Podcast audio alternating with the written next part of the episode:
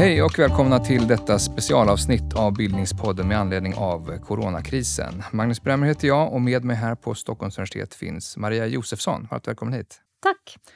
Du är medicinhistoriker, verksam vid Karolinska institutet och Södertörns högskola och nu aktuell med en essä här på anekdot.se. Den goda döden, om den palliativa vårdens historia. Ja, det stämmer. Eh, palliativ vård är alltså vård i livets slutskede och är en mycket yngre företeelse än vad man kanske tänker sig. Eh, du berättar om den, hur den här idén och rutinerna för vården vid livets slutskede växte fram. Den goda döden som vi har rubricerat i en text har ju varit ovanligt svår att tillgodose på svenska sjukhus, sjukhem och äldreboende under den här märkliga och sorgliga våren. Du som har studerat frågan om en god död som medicinhistorisk företeelse, medicinetisk fråga. Vad har drabbat dig mest i, i rapporteringen om, om pandemins effekter? Um, givet hur de här idéerna om en, en god palliativ vård ser ut idag eh, inom medicinen, vad man tänker sig att, att en god död ska vara, så är jag ju, tror jag kanske mindre än andra, förvånad över att det har varit svårt att upprätthålla den typen av idé och, och, och, praktik under de här helt, helt extraordinära omständigheter som den här pandemin är. Eh, så, så jag är kanske mindre, tror jag, förvånad än många andra över mm. att det brister här och var. För att eh, som sagt, omständigheterna är extraordinära och vi har strukturer i vår, i vår sjukvård och i vår äldreomsorg och så som ytterligare försvårar eh, upprätthållandet av den goda döden, om vi nu kallar det så, mm. när pressen blir så här, så här hård. Mm. Det är intressant. Vi, vi, innan vi pratar mer om, om den pågående situationen, vill du säga något kort om det du skriver om i den här texten, den palliativa vårdens historia? När blev liksom idén om, om den goda döden en, en samhällelig medicinsk fråga? Eh, en samhällelig fråga har det varit mycket länge eftersom idén om en god död har ju en, har ju en gammal religiös förankring naturligtvis. I den bemärkelsen att man har tänkt sig långt tillbaka att en god död handlar om att, så att säga, med rent samvete och eh, man har bett om förlåtelse, försonat, liksom fått förlåtelse för sina synder och så. Och att det är förutsättningarna för att kunna dö på ett bra vis i och med att det, detta är så att säga steget över till, till himmelriket. Så i den bemärkelsen så är, ju, så är den här historien väldigt, väldigt lång. Men, Då handlar det om att bli fri från synd i stort sett? Ja, mm. precis. Att, att, att kunna möta Gud på ett önskvärt och bra sätt. Men den goda döden i relation till medicinen, det är ju en mycket, en mycket, mycket kortare historia. Man börjar diskutera läkarens roll i relation till döendet på 1700-talet, men väldigt, väldigt fragmentariskt och det är ett fåtal engagerade läkare som pratar om det här. Eh, sen sker en massa förändringar och sen så kan man väl säga att den, den goda döden ihopkopplat med det vi idag känner igen som, som palliativ vård eller palliativ medicin. Det blir inte en, en fråga för medicinen egentligen förrän framåt 60-70-talet mm. i västvärlden. Varför dröjer det så lång tid innan medicinen vill ta i den här frågan? Ska man hårdra det så skulle jag säga att det tar så lång tid eftersom medicinen från 1800-talet och en ganska lång bit in på 1900-talet, medicinen och läkarvetenskapen och då med betoning på vetenskapen, den är inte överhuvudtaget fokuserad på döden. Döden är ju någonting man har, man har all ambition att försöka undvika. Man är ju fokuserad på bot, på framsteg, på utveckling i, i termer av att bota sjukdom, så, så att, säga, att rädda människor från döden.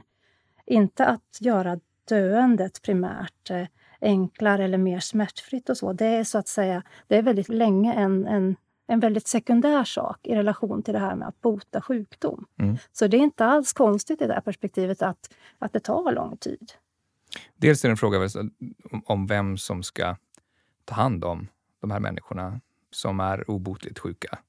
Men det är också någonting, du är inne på det i din text, det är någonting också med själva frågan om död som är svår för läkaren att hantera. Ja, obotligheten. Ja, döden är ju, är ju otroligt svår för medicinen att hantera eftersom döden per definition innebär ju enligt, åtminstone enligt det, det medicinska perspektiv som är förhärskande under, under ja, ska vi säga ungefär 20-30-talet och fram till 50-60-talet så är ju döden ett misslyckande. Och döden är läkarens, det är läkarens plikt att till varje pris försöka, försöka undvika att, att patienten dör. Så att döden är ett misslyckande och döden är så att säga en, döden är en fiende som ska mm. bekämpas in till sista andetaget egentligen. Jag tar ju upp ett exempel i, i texten som handlar om eh, en amerikansk debatt som, som blossar upp 1957 apropå just det här. Och den sätter verkligen detta i blixtbelysning. Och då är det en, en, en kvinna, en, änka, som skriver en väldigt uppmärksammad essä i en stor amerikansk tidskrift. Och den här essän heter A way of dying. Hon berättar om sin make som är eh, dödligt sjuk i cancer. Och när han då kommer in till sjukhuset så, så opereras han först en gång med ganska dåligt resultat. Han är mycket medtagen efter den här operationen. Och inom loppet av den kommande veckan så underkastas han ytterligare två eller tre operationer. Eh, trots att det är väldigt, väldigt tydligt att den här personen är bortom allt rimligt hopp om bot. Men ändå kämpar de här läkarna och kirurgerna för att till varje pris försöka få bort den här cancern och försöka få honom tillbaka till, till livet. Och ur hennes perspektiv då helt utan att det finns någon mening med det, för det är så tydligt att han är döende. Så det hon beskriver då, det är ju eh, hennes upplevelse av det här. Hur hon passivt bredvid står och ser på när hennes man i stort sett torteras långsamt till döds istället för att han får eh, dö i, i frid och mm. i fred och utan smärta och så. Och den här artikeln, Trots marginellt hopp så, så fortsätter man och, och, i praktiken ger man en, patienten en, en dålig död. Ja, en dålig och ett mycket utdraget och ett mycket plågsamt döende. Mm. Eh, och hon säger just det, att den moderna medicinen kan, om du har tur eh, och är mycket sjuk, rädda dig till livet. Men, men ska du dö så kan den moderna medicinen förhindra detta under väldigt lång tid. Mm. Men är det så att när den palliativa vården sen blir en del av hela sjukvårdssystemet, och det här ser ju väldigt olika ut i olika länder. Du diskuterar mm, olika länders strategier, framförallt den svenska. Eh, är det, är det så att den här frågan då byggs in i när det handlar om att mildra smärta vid, vid död eller till och med kanske tangera sånt som aktiv dödshjälp? Eh, fortfarande finns den här konflikten om när kommer vi till den punkten när det inte går att göra någonting? Ja, den, den, den konflikten finns, finns ju alltid inbyggd. så att säga. Och, eh, men när det gäller den palliativa vårdens framväxt, då, den är framförallt kopplad till cancerpatienter. Det är egentligen de som utgör kärnan för den här utvecklingen eftersom det är en sjukdom som eh, jämfört med mycket annat, det, det, går ganska långsamt och man blir med tiden, framåt 50, 60, 70-tal, så blir man bättre och bättre på att ge prognoser. Så att man, man, man kan säga med ganska stor säkerhet att här kan vi ingenting göra, men det finns tid kvar. Du kommer inte att avlida imorgon, utan det kanske tar ett halvår, det kanske tar flera år. Eh, så cancer är en speciell sjukdom på mm. det sättet, till skillnad från akuta infektionssjukdomar eller Just någonting. Det. Men det handlar också i väldigt hög grad om att säkerställa att så många eh, som möjligt av äldre som dör en mer eller mindre en naturlig död får så, en så värdig död som möjligt. Eller hur? Det är också en viktig del av den här historien. Det är absolut också en viktig del av den här historien definitivt. Eh, men det tangerar också just det här med den medicinska vetenskapens utveckling eftersom i takt med att medicinens kunskapsläge har, har förändrats så, så har det också blivit så. Och här kan man titta på, på dödsorsaksstatistiken till exempel. Att det fanns någonting tidigare som hette ålderdomens sjukdomar som var en paraplykategori. Den försvinner sen successivt ur diagnosstatistiken vilket ju antyder någonting om den här utvecklingen. Man blir ju successivt mer och mer specifik. Mm. Att man avlider inte bara för att man är gammal, utan man avlider av någonting. Det är något organsystem som inte fungerar längre eller man avlider i någon sjukdom eller så. Så den utvecklingen den löper ju under 1900-talet, vilket ju också gör lite grann att det här att när man blir tillräckligt gammal så dör man faktiskt. Att det puttas lite grann mer i, i bakgrunden. Mm. Man kan säga att, att eh, coronapandemin har, har aktualiserat eh, de här frågorna på kanske framförallt två olika sätt. Dels handlar det om sättet som människor, framförallt äldre, har dött. Men också var den här gränsen går mellan när palliativ vård ska sättas in och när det finns hopp om att rädda människor. Det har varit en debatt om med äldre människor som har fått morfin egentligen skulle ha fått syrgas och försöka förlänga deras liv så mycket som möjligt och till och med rädda det. Eh, kan inte du, för de som inte har följt den här debatten, eh, kort förklara vad, liksom, vad det har gått ut på? Jag skulle säga att den, att den debatten handlar ju om, om de förhoppningar man sätter, till, man sätter till medicinen och läkarna och eh, de förväntningar man, man, man, man ställer på medicinen och läkarna. Så det handlar ju om, ska, ska läkaren vara den här hjälten som till varje pris försöker förlänga livet eller tvärtom ska läkaren så att säga underlätta döendet? Och var den här gränsen ska dras i det individuella fallet, det är ju otroligt svårt. Mm. Och eh, det är ju inte jag rätt person att eh, diskutera, men, men den där gränsdragningen är ju väldigt, väldigt svår att göra. Mm. Väldigt, väldigt svår. Det, det, är också, det har uppmärksammats att det funnits olika rutiner eh, bara inom de nordiska länderna. Att i, i Norge har getts eh, syrgas i mycket högre utsträckning medan rutinen på svenska äldreboenden är att ge morfin vid andningsbesvär. Eh, är det så att det svenska sjukvårdssystemet och äldreomsorgen på något sätt har, eh, ser ut på ett sådant sätt som har gjort att den här frågan har hanterats annorlunda i Sverige, tror du?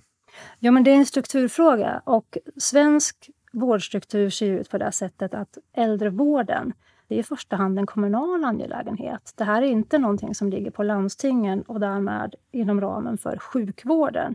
Och det som har hänt på äldreboendena nu som vi har sett de senaste månaderna, det illustrerar väl ett av problemen skulle jag säga med, med den svenska vårdstrukturen som den har vuxit fram under väldigt, väldigt lång tid.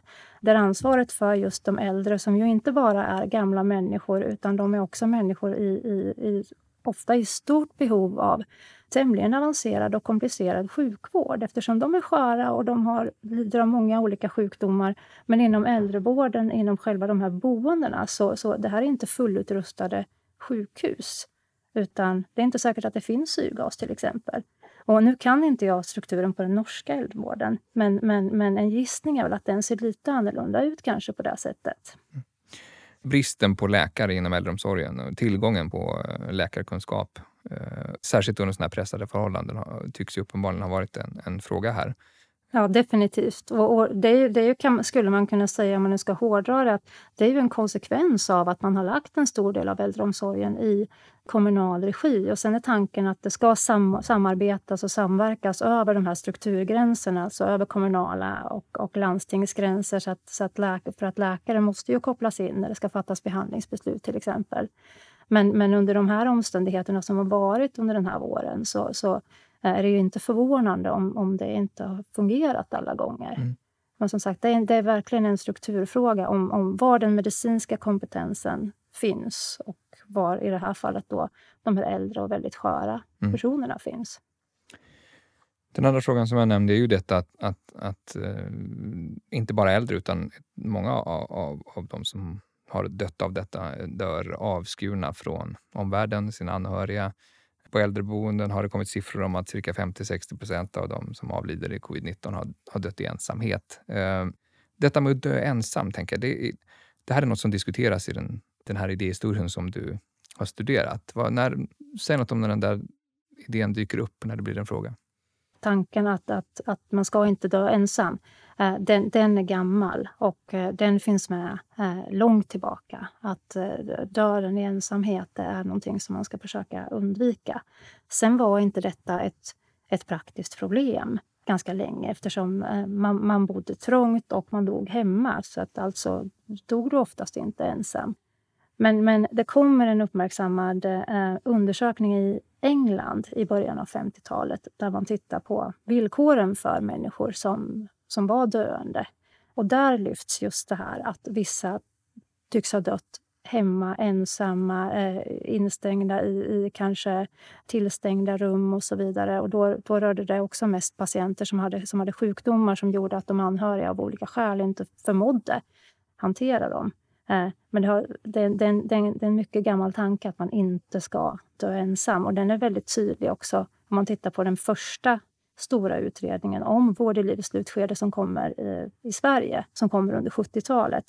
Där lyfts det också fram att eh, omvårdnadspersonal framför allt ser det som ett, som ett stort misslyckande om en patient på sjukhus eller annan vårdinstitution dör eh, utan att det finns någon i, i rummet. Mm. Den död som vi pratar om nu, eh, apropå, apropå corona, det, det, det, det, tror jag att de allra flesta känner att, att det, det, är en hemsk tanke att äldre sköra människor ska dö ensamma på äldreboenden och just att deras anhöriga inte har någon möjlighet att, att få vara, vara där. Sen har vi en annan sorts ensam död också i corona som är just den som, som är placerad i det här väldigt högteknologiska medicinska sammanhanget som är, som är intensivvårdsavdelningarna. Eh, och där jag tror också att de flesta av oss ryggar tillbaka eftersom man känner att, att eh, det här blir en sorts, eh, det blir en sorts krock med hur man, hur man, hur man eh, ur ett lekmannaperspektiv tänker att den goda döden ska vara. Mm. Att det är just det här väldigt, väldigt teknologiska och väldigt eh, maskiner som piper och slangar och så vidare. Det är alla de här sakerna som liksom går på tvärs med vår idé om en fridfull och eh, naturlig mm. död. Och att den individuella döden ställs direkt i relation till kollektivet och samhället. Eh, någonstans att, eh, men även som död riskerar att smitta andra. Och, ja, precis i allra högsta grad. Det blir alla, döende, de här, säga, alla de här, alla de här eh, kollisionerna, så att säga. En, en intensivvårdsavdelning den, den, har som sin främsta uppgift att hålla kroppen vid liv. Mm. Det är det man gör där. Det här är liksom en sorts maskinpark mm. där man faktiskt nästan bara vårdmässigt fokuserar på, på kroppen. Och sen så, så, så har vi den här döden då där också. Och nu är en, i en situation där personal också vittnar om att de inte har, inte har tid och möjlighet att, att också utöva de här i vanliga fall omvårdande omsorgerna mm. som, som hör till. Det är förstås väldigt svårt att sia om, om framtiden och, och eh, vad Mm, den här perioden kommer få för effekter. Men, men högst sannolikt kommer det prägla vår syn på vardagslivet och, och samhället under ganska lång tid framöver. Vad tror du att eh, pandemin och dess effekter mer specifikt kommer innebära för vår, vår syn just på döendet? Jag tror att eh, det, det på lång sikt och ur ett generellt perspektiv så, så, kommer det här att förändra vår syn på, på risk överhuvudtaget. Det är jag övertygad om. Men sen så vad gäller, vad gäller döden så tycker jag att det är svårt att säga, men jag, jag tycker att det, tycker att man kan se redan nu, och det är jag övertygad om för svensk del, är att, att det här kommer att generera en, en stor diskussion om, om, eh, om äldreomsorgen och förmodligen också en stor diskussion om, om sjukvården överhuvudtaget, om, om den är underfinansierad och så vidare. Det tror jag att det kommer att generera. Men sen på, ur ett annat perspektiv, så, så en, en förhoppning är väl att vi kanske blir lite mer medvetna om också det faktum som jag nämnde förut, att när man blir tillräckligt gammal så avlider man.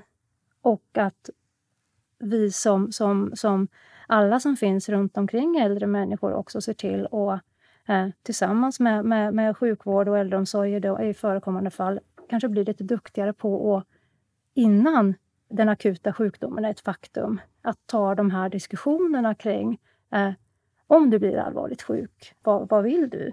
Ska du räddas tillbaka till livet eh, till varje pris? Eller vill du tvärtom att, eh, att vi bara ska, ska låta det ha sin gång? Hur, hur känner du? För det är ju någonting som verkar ha i brådrasket och i denna, detta pandemikaos många gånger så, så får man intrycket av att den typen av samtal har man inte riktigt kanske hunnit före alla gånger. Tusen tack Maria Josefsson för att du ville vara med i Bildningspodden. Tack så mycket. Och eh, ni som lyssnar, gå gärna in på anekdot.se och läs eh, Marias fina essä Den goda döden om den palliativa vårdens historia. Vi är snart tillbaka med en ny avsnitt. Tack och hej. Du har lyssnat på Bildningspodden, en del av bildningsmagasinet Anekdot. Podden spelas in på Språkstudion och ljudproducent är Kristin Eriksdotter Nordgren. Fler poddar, filmer och essäer hittar du på anekdot.se.